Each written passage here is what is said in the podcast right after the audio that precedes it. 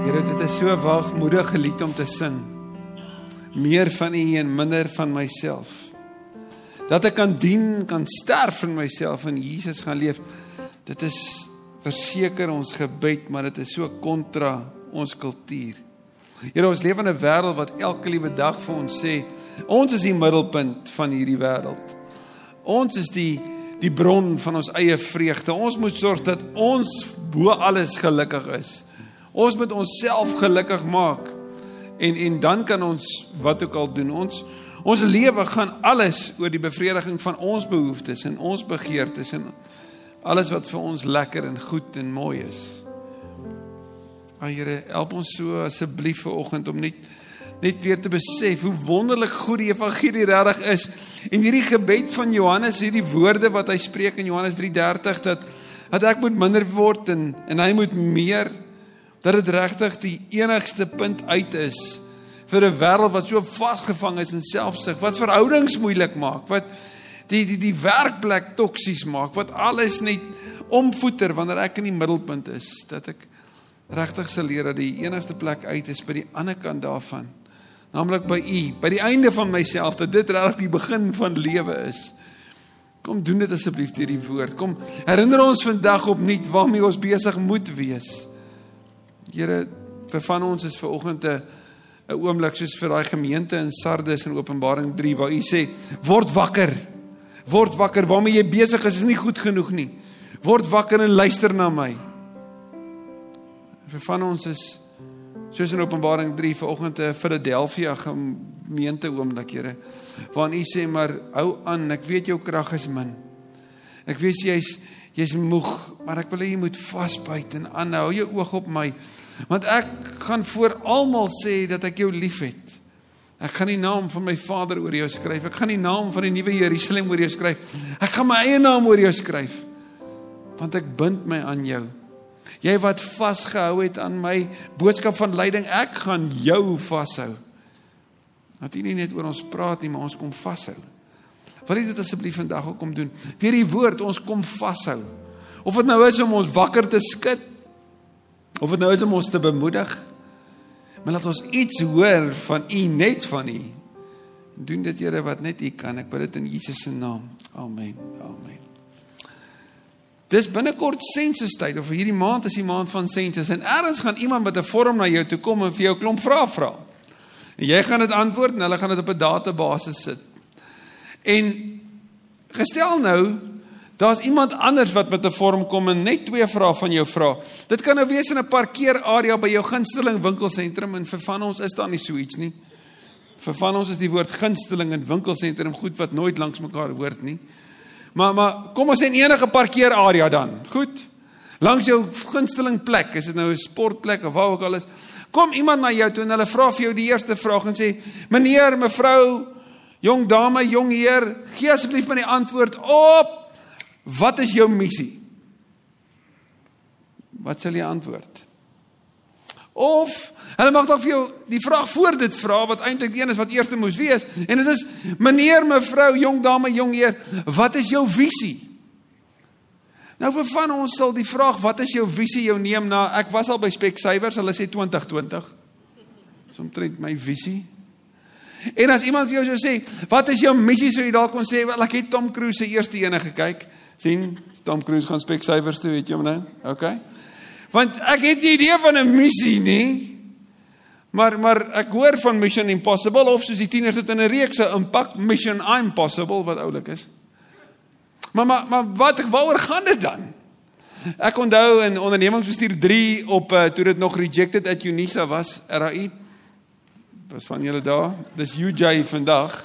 Goed, ondernemingsbestuur 3 het ek dit moes neerskryf.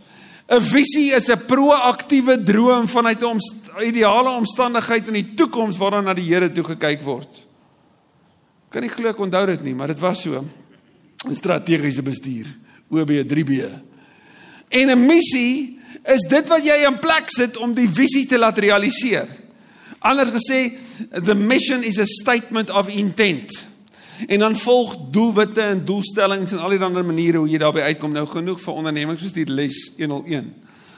Die feit is wel dat visie is verskriklik belangrik want waarheen is ons op pad? En missie sê, wat is die verklaring vir hoekom ons hierdie wil doen? As jy in die Bybel kyk, dan gaan jy al in Spreuke sien, dan hoofstuk 29, dat Salomo sê en ek wil dit vir jou vir jou aanhaal, Spreuke 29 vers 18. In die Afrikaans staan daar waar die wil van die Here nie bekend gemaak word nie, verwilder die volk. In die Engels staan daar without vision my people run wild. 'n Ander vertaling sal sê without vision my people perish. So met ander woorde, jy het 'n visie nodig om te verstaan, anders gaan jy met allerlei goed besig wees en nie weet of jy vorder nie. Soos baie van ons in ons lewe, jy voel ek doen 'n klomp goed, maar ek weet nie of ek eers kom nie. Nou, jy sê kom vra ek my wat is die visie vir die kerk? Wat is die visie van alle tye nog, nê? Nee? En dis die visie van Matteus 28 vers 19. Gaan dan en maak die mense my disippels. Dis dit. Dis die punt. Maak hulle my disippels. Dis die punt nog altyd. Wat is die beskrywing van 'n disipel? Niks anders nie as volgeling. Nou as jy verlede weekie was, sou jy kan onthou dat ons visie Sondag gehad het. En net so vinnig sonder dat jy na die kante toe kyk, jy mag nie nou na die mure toe kyk waar die skerms is, waar die woorde op is nie. Kan jy die vier woorde onthou wat van nie op verwys het? Kyk vir die wat nie was nie, sê jy nou nie weet nie, maar daar was vier begrippe gewees. OK, kom ek begin eers met loof. OK, kyk vinnig na die borde. Kyk vinnig. OK, kyk terug. Loof, getuig, dien, saam. Dis hy. Dis die vier woorde wat disipelskap vir ons ook saamvat. So vanuit visie Sondag, glo dit of nie, beweeg ons vandag en ons het dit nie beplan nie, dit het letterlik so uitgewerk na 'n teks toe wat ons vir die volgende 3 weke gaan kyk en vandag begin ons by die missie. Want vanuit 'n visie kom jou missie. Nou ons teks wat ons vandag gaan kyk en vir die volgende 3 weke kom by die evangelie wat die grootste reis van alle tye beskryf, naamlik die reis van krib tot kruis van Bethlehem via Nazareth na wat 5 km verder van Bethlehem af by Jerusalem eindig. Maar Lukas wanneer hy dit vir ons verduidelik, ons gaan uit Lukas 10 uit lees, kom hy by 'n punt eers by die verste punt geografies weg in die in die wêreld van die Jode, weg van Jerusalem af, naamlik Caesarea Philippi daar in hoofstuk 9, waar Jesus vir die disippels vra, "Wie sê die mense is ek?" En en dan weet dan sê hulle wel sommige sê Johannes die Doper, ander sê Elia. En draai om en, en hy vra vir hulle baie belangrike vraag wat ek en jy moet kan antwoord. En dit is maar julle. Vandag gesê maar jy. Wie sê julle is ek? Was iemand vandag vir jou sou vra, wie sê jy is Jesus, né? Nee? En dan antwoord Petrus, u is die gesalfde. In die Grieks sou dit verwys na u is die Christus, die een wat gestuur is, die een wat moes kom. U is dit en dan sê Jesus gelukkig is jy. En ek wil dis die belydenis waarop die kerk bou en Jesus sê op hierdie rots gaan ek my kerk bou. Op hierdie belydenis dat hy die Here is. En dan sien ons daarna die verheerliking op die berg en daarna in hoofstuk 9 vers 51 sien ons en hierna het Jesus sy reis, sy vasbeslote reis op pad na Jerusalem toe begin. Nou as jy vasbeslote is en jy's op missie, dan weet jy wat jy gaan doen. En sy missie was om te sterf om die prys te betaal vir die sonde om redding te bring. En op pad daarheen kan jy sien gebeur iets fantasties naamlik dat hy nie alleen op missie is nie maar hy maak sy disippels deel daarvan. Hy nooi hulle in. En ons gaan dit nou lees. As jou Bybel of jou foon naby is ons gaan die eerste 3 verse lees van Lukas 10 dit sou goed wees vir jou en my om in die volgende paar weke hierdie teks gereeld deur te werk deur te lees en vir die Here te vra wat wys hy vir jou Want ons dek mos altyd nuwe goed. Lukas 10 vers 1. Daarna het die Here 72 ander aangewys en hulle 2-2 voor hom uitgestuur na elke dorp en plek waarheen hy van plan was om te gaan. Hy het vir hulle gesê: "Die oes is groot, maar die arbeiders is min. Bid dan die Here aan wie die oes behoort om arbeiders uit te stuur vir sy oes. Gaan nou. Maar onthou, ek stuur julle soos lammers tussen wolwe in." Het jy gesien twee keer daai woord stuur? sien die die Bybel vertel vir ons van 'n God op missie, van 'n God wat gestuur is en dit begin hier in Lukas 10 nie net meer by die Here nie, maar dat hy hulle intrek en sê hy stuur hulle na waartoe hy van plan was om te gaan. Anders gesê, Hy stuur hulle na die plekke toe waarheen hy gestuur is. Maar sien die oorsprong van die sturende Here is dat die Vader stuur sy seun, die seun stuur die disippels. En daar's iets van hierdie beweging wat ek en jy moet hoor. En wanneer Jesus in Lukas 4 in sy intrede, sy groot preek oor die jubeljaar van God, preek dan sy daar in Nasaret en hy sê die gees van die Here is op my en hy maak so 'n bietjie van 'n smash up van Jesaja 61 en 62 so bymekaar. Hy sê die gees van die Here is op my om die goeie nuus, die evangelie aan die armes te verkondig en ek bedoel almal in Nasaret sê, "Yes, dis ons daai." En hulle is opgewonde want hulle ken die Jesaja teks, dit lei tot die oordeel oor die heidene wat in hulle geval natuurlik die Romeine sou wees. En dan omdat Jesus nie daarop uit is om gewild te wees nie, maar eerder gehoorsaam en getrou, sê hy dat hierdie goeie nuus is vir almal bedoel en dan raak hulle so kwaad hulle wil hom van die krans afgooi. En dan beweeg hy daai Nasaret uit weg. Maar sien die goeie nuus is vir almal. In Johannes sien ons aan hoofstuk 1, God het onder ons kom tabernakel, kom tent opslaan, die seun is gestuur. Hy's na sy mense toe gestuur, maar sy eie mense wou hom nie aanvaar nie. Maar aan die wat hom aanvaar het, het hy reg gegee om kinders van God genoem te word. En dan lees ons in die baie bekende 3 vers 16, God het sy seun vir die wêreld gegee omdat hy die wêreld liefhet sodat elkeen wat aan hom glo nie verlore sal gaan nie maar die ewige lewe sal hê vers 17 God het nie sy seun na die wêreld toe gestuur om die wêreld te veroordeel nie maar sodat die wêreld deur hom gered kan word Die sturende Here se missie is redding en is vir die ganse wêreld en is duidelik uit Lukas uit sy disippels moet deel word daarvan. Hulle deel daarin. sien Christus neem die inisiatief steeds in die stuur na die wêreld toe. Maar ons het die voorreg om deel te word. Die getal 72 in Lukas 10 dui op die ganse wêreld. Ja, jy sal kan teruggaan na Numeri 11 toe en sal sien dat Moses het 70 plus 2 uitgestuur en die bedoeling was die volledige getal vir die volledige wêreld. So hier stuur Jesus die volledige getal uit en uiteindelik beteken dit ons almal word ingetrek om te deel in wat ons in die Latyn ken as die missio dei. Wanneer Jesus in Johannes 17, dis in in Getsemane, sy hoë priesterlike gebed, sy oomblik net voordat hy die prys gaan betaal. Wanneer hy bid, dan bid hy die eerste paar verse vir homself, maar wanneer hy daar in in vers 18 bid, dan sê hy Vader, hoor nou mooi. Soos U my na die wêreld toe gestuur het, so het ek hulle ook gestuur. Hoor hoor mooi die die gewig agter hierdie teks, agter hierdie gebed. Soos u my gestuur het net so presies dieselfde vlak het ek hulle gestuur. Die dringendheid hiervan moet jou en my asems wegslaan want Jesus is gestuur in volmag van die Vader en alles wat hy by die Vader gehoor het dit het hy kom vertel en nou nou stuur hy ons in volmag van hom en alles wat ons by hom hoor moet ons gaan vertel Daarom sal in Johannes 14 vers 12 sê, julle gaan meer dinge doen, groter dinge doen as ek omdat ek terug gaan na die Vader toe. Wat is groter as die verlossingsboodskap?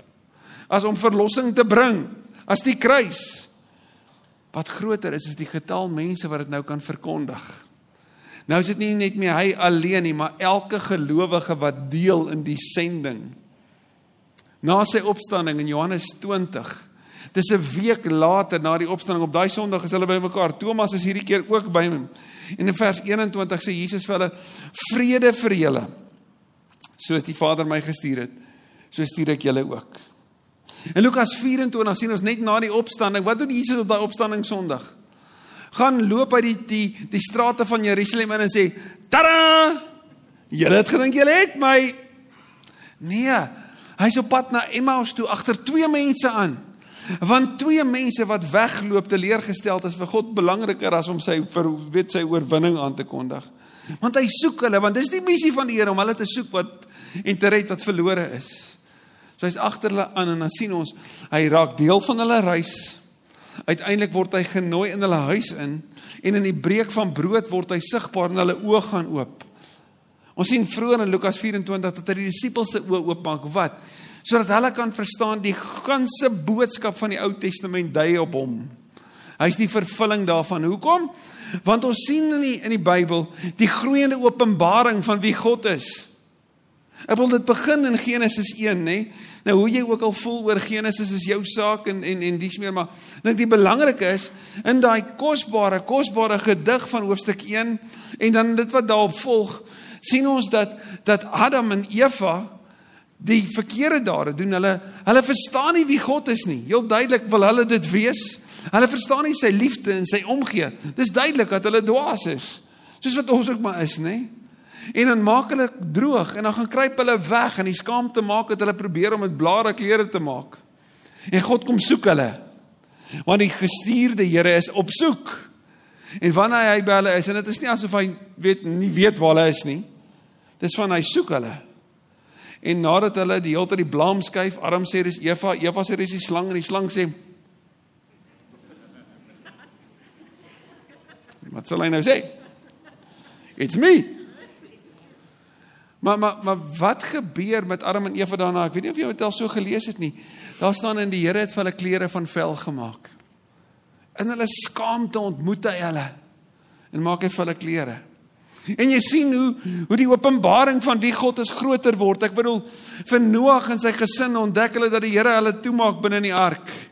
En dat die Here hulle versorg en dat die Here hulle red. En jy sien in Abraham in hoofstuk 12 van Genesis, God wat vir hierdie maanaanbidder sê ek het 'n land in gedagte. En Abraham ontdek al hoe meer wie hierdie Here is en die Here gee vir hom 'n nageslag. Al het hy self sy eie plannetjies gemaak, is die Here se planne nie klaar nie. En hy werk deur hom. En ons sien God aan die werk deur deur die ganse boodskap van van hierdie nageslag van Abraham wat al hoe meer word tot en met Josef wat vir sy boeties moet sê, julle wou vir my leed aandoen, maar God wou daarmee goed doen in die redding in Egipte in en later die redding weer uit Egipte uit. En hoe God voorsien. En al deur hierdie man Moses kom kom die Here en wys hy wie hy is. Ek wil uiteindelik roep die Here Moses op na hom toe en hy gee vir hom twee tablette wat hy self voorberei het. Sodat Moses vir Israel kan wys hoe God se tipe mense is. En hulle ontdek al hoe meer wie hy is in hulle optrede en hulle navolg van hom in sy voorsiening. Hulle beleef aanbidding van hom in die tabernakel.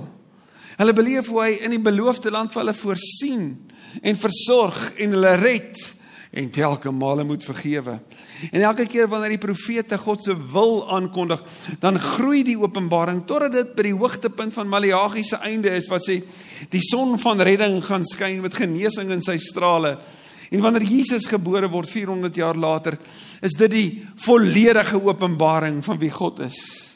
En van daar af sal ons altyd God sien deur die kruis en weet dat God na ons kyk deur die kruis.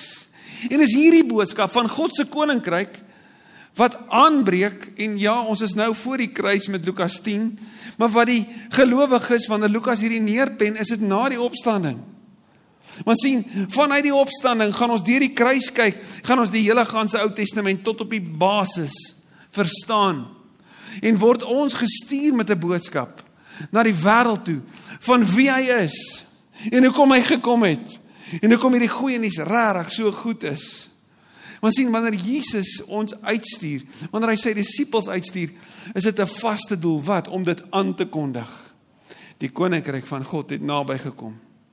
En hierdie koninkryk is is is om deel te wees van God se sending en is om aan te kondig dat dit waar is en wanneer Paulus dit beskryf in Efesiërs 2 dan sê hy hierdie koninkryk wat aangebreek het, is die vorming van een nuwe mensheid. God kom skep nuwe mense. En wie is hierdie nuwe mense? Gaan kyk in Efesiërs 2. Dis waar Jood en Griek saam sit.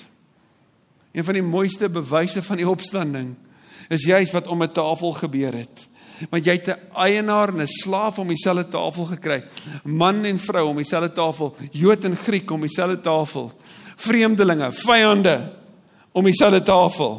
Almal besig om dieselfde brood te breek. En dan te kom sê, maar dis waar. Want sien, die kerk is nie net hulle wat die boodskap dra nie, dis wat hulle moet doen. Maar die kerk is hulle wat inhoud gee aan die boodskap. Wat sê ons is gestuur met 'n boodskap en ons beliggaam hierdie boodskap. Ons gaan leef dit. Ons kan dit nie net sê nie, ons moet dit leef. Maar ons kan dit ook net nie verwag dat dit ergens gaan waar word nie. Ons moet dit ook sê. Jesus sê gaan en verkondig. En ons deel daarin. Sien om deel te wees van God se sending is om mooi te verstaan dat God is nog altyd die Here op sending, die Here op missie. Die Vader wat mense kom soek wanneer hulle wegkruip. Die Vader wat sy seun stuur in Filippense 2 sê tot na die diepste onderste kant en dan hom ophef sodat elke weet en elke knie gaan buig en elke tong gaan bely die Here tot eer van die Vader. So die Vader stuur die seun, die seun stuur sy volgelinge, maar die seun stuur ook die Gees. En post-opstanding sien jy dat die Gees die gelowiges so bemagtig dat hulle hierdie ding verstaan, dat hulle die boodskap tot op die uithoeke moet verkondig. En dan eindig Handelinge met Paulus wat in daai tyd in die uithoeke van daai wêreld was, daar in Rome. En wat doen hy? Hy huur 'n huis. En wat wil hy daar doen? Hy nooi mense in om te wat? Om die tafel praat ons oor hierdie verlossingsboodskap. Hy hou nie op nie. En Petrus sê, dan 2 Petrus 3, God stel nie die vervulling van sy belofte uit nie, maar hy wil nie dat enige iemand verlore gaan nie. En enige iemand is enige iemand. sien die Here is steeds aan die sending. En die wederkoms word nie uitgestel nie. Die wederkoms kan vir jou en my voel dit talm. Wil jy het al by plekke dalk in jou lewe gekom wat jy gedink het ek weet ek het al ag Here wil nie net kom nie. Maak net al hierdie hierdie nonsens vat dit weg. Dat dit kan verby wees dat ons letterlik die hemel kan beleef en saam met U kan wees en as jy Openbaring gelees kan jy nie uitmis op die hemel nie. Dis beautiful. Maar die Here sê hy wil nie hê dat die hemel enigiemand mis nie. Nou hoe gaan ons by dit uitkom? Ons gaan dit moet wees. Want sien, die groeiende openbaring van God is so dat God so naby gekom het dat hy die vel van 'n mens aangetrek het. Hy was letterlik tasbaar. Jy kan hom vat. Jy kon hom hoor. En wanneer Jesus sê dis beter dat hy weggaan en hy sê dat ons gaan meer doen is omdat daar meer van ons is wat hom nou verteenwoordig. En is ons wat tasbaar naby aan mense kom. Dink maar 'n bietjie aan die tye in jou lewe waar jy op jou laagste was en jy die Here beleef het. En jy gaan elke keer sien jou belewenis was 'n persoon. Daar was 'n mens. Iemand het gebel. Iemand het opgedaag. Iemand het gery. Iemand het gegaan om te wees daar waar jy dit die nodigste gehad het. En nou sê Jesus, gaan julle gaan wees my disippels, gaan wees my volgelinge, gaan wees daar. Vandag wil ek vir jou vra, wie is die kring in jou lewe wat net jy kan bereik? Ons het al baie keer gelag wanneer iemand sou sê, hulle is in die hospitaal, maar die kerk het hulle nie besoek nie. Dan sou jy vra, het 'n gelowige daar gewees? Ja, het hulle vir jou gebid? Ja, waarom is die kerk daar? Want ek en jy is die kerk. Daar's nie 'n preacher beeper nie. Het jy al daai klip gesien? En wil iemand wat hier sit en dan word hulle vraag oor die Bybel gevra en druk die persoon 'n knoppie. Skielik is die preacher daar. Yes, what would you like? Now we just like to know regarding, you know, the resurrection. How can we really know that it is true? He wants to know. This is the pastor. Thank you. Of he's nooit hierso. Preacher beeper. Hello pastor, would you just help? We've got weet wat ook al. Daar's nie 'n preacher beeper knoppie nie. Jy's die een. As jy die een in daai mense se lewe is, is jy die een wat die Here wil gebruik. Ek weet jy mag dalk soos Gideon voel, oor ekskuus meneer. Ek is nie gekwalifiseer nie. Wel, God vra nie kwalifikasie nie, hy vra jou gewilligheid. Is jy daar? Want hy wil jou stuur. Nie iemand anders nie. Sorry, jy het jou vel gekry. Jy het jou persoonlikheid gekry. Jy het die voorreg van die bedieningsruimte waarin jy is gekry. Nou weet jy stuur die Here jou.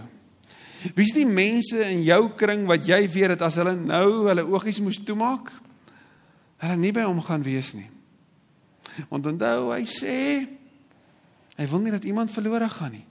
En as jy weet van sulke mense, wie se verantwoordelikheid is dit om by hulle uit te kom? Dis nou hierdie keer wat ek en jy daai woorde wat ons toe ons 3 jaar oud was baie gesê het nou moet sê myne. Dis my verantwoordelikheid. Ek kan dit nie vir iemand anders aangee nie. Ek kan dit nie oorgee nie. Ek kan net eienaarskap vat daarvan. Die baie bekende teoloog Karel Barth het gesê jou doop is jou ordening as sendeling. Jou doop is jou ordening as sendeling. Vanoggend wil ek vra, hoeveel sendelinge sit hier in hierdie gebou vanoggend? Skarel Bart sê jou doop is jou ordening as sendeling. Is my vraag, hoeveel sendelinge sit hier vanoggend? In Jesaja is daar 'n 'n teks wat vir Jesaja van toepassing was, maar as jy die Nuwe Testament lees, sal jy verstaan vir jou en my ook. En ek lees dit graag vir jou. Jesaja 6 vers 8 sê: "Wie kan ek stuur? Wie sal ons boodskapper wees?" Ek hou van daai ons. Wie kan ek stuur? Wie sal ons boodskapper wees? En Jesaja het geantwoord: "Hier is ek, Here, stuur my." Hoeveel sendelinge is hier vanoggend? So hier's my uitdaging vandag. As jy die woord van die Here gehoor het, jy hoor dat God op missie is, jy hoor dat God stuur, dan roep hy jou om hom te volg, maar dan moet jy verstaan soos wat jy hom volg gaan hy jou stuur. Is jy 'n sendeling vandag?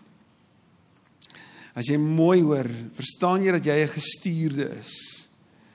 So vanoggend wil ek 'n geleentheid gee. En dis die uitdaging. Maar dit gaan oor jou en die Here. As jy die woord gehoor het en jy wil 'n verklaring maak vandag, jy wil vir jou lyf sê dis tyd om aan die beweeg te kom. Is een van die eerste plekke waar vanaf jy kan beweeg is van jou stoel af. So as jy vandag sê ek is 'n sendeling. Hier is ek, Here, stuur my, wil ek jou uitdaag om op te staan. So sal al die sendelinge vandag asseblief opstaan want ons wil vir julle bid. Vader in Lukas 10 lees ons dat Here u gesê het Jesus gaan nou en moenie langs die pad met groetery tyd verkoos nie. Ek bid so dat u die dringendheid van hierdie teks van u woord van u missie opnuut in ons harte sal aanwakker.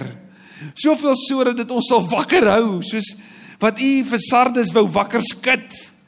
Dat u ons sal wakker skud en wakker hou dat ons sal verstaan ons het die heilige voorreg om saam met God, saam met die Heilige Gees, begeester deur die Heilige Gees, gedring deur die liefde te gaan te gaan wees. Hierdie woord sê ons hoef nie bekommerd te wees oor wat ons gaan sê nie. U sal vir ons die woorde gee. Maar ons kies vandag om te gaan. Na daai groep toe, na daai gesin toe, na daai individu toe om net daar te gaan wees en die goeie nuus aan te kondig dat die koninkryk van God het naby gekom. Of dit is of ons in hierdie week om tafel sit, vandag saam met iemand om 'n tafel sit. Dalk in die wagkamer van 'n hospitaal saam met iemand net te wees. Mag ons daar gaan wees waar u is. Mag ons oë oop wees om die geleenthede aan te gryp om die goeie nuus te deel dat die koninkryk van God het naby gekom. Die verlossing in Jesus is moontlik. Al wat jy moet doen is om dit te ontvang. Maak jou hart oop en sê Here, ek glo dit. Kom wees die Here van my lewe. Ek sal U volg. Ek sal gaan na waar toe U my stuur. Mag ons saam loof, saam getuig en saam dien. Mag ons dit saam beleef omdat U die gestuurde Here ook vir my stuur. In Jesus se naam. Amen.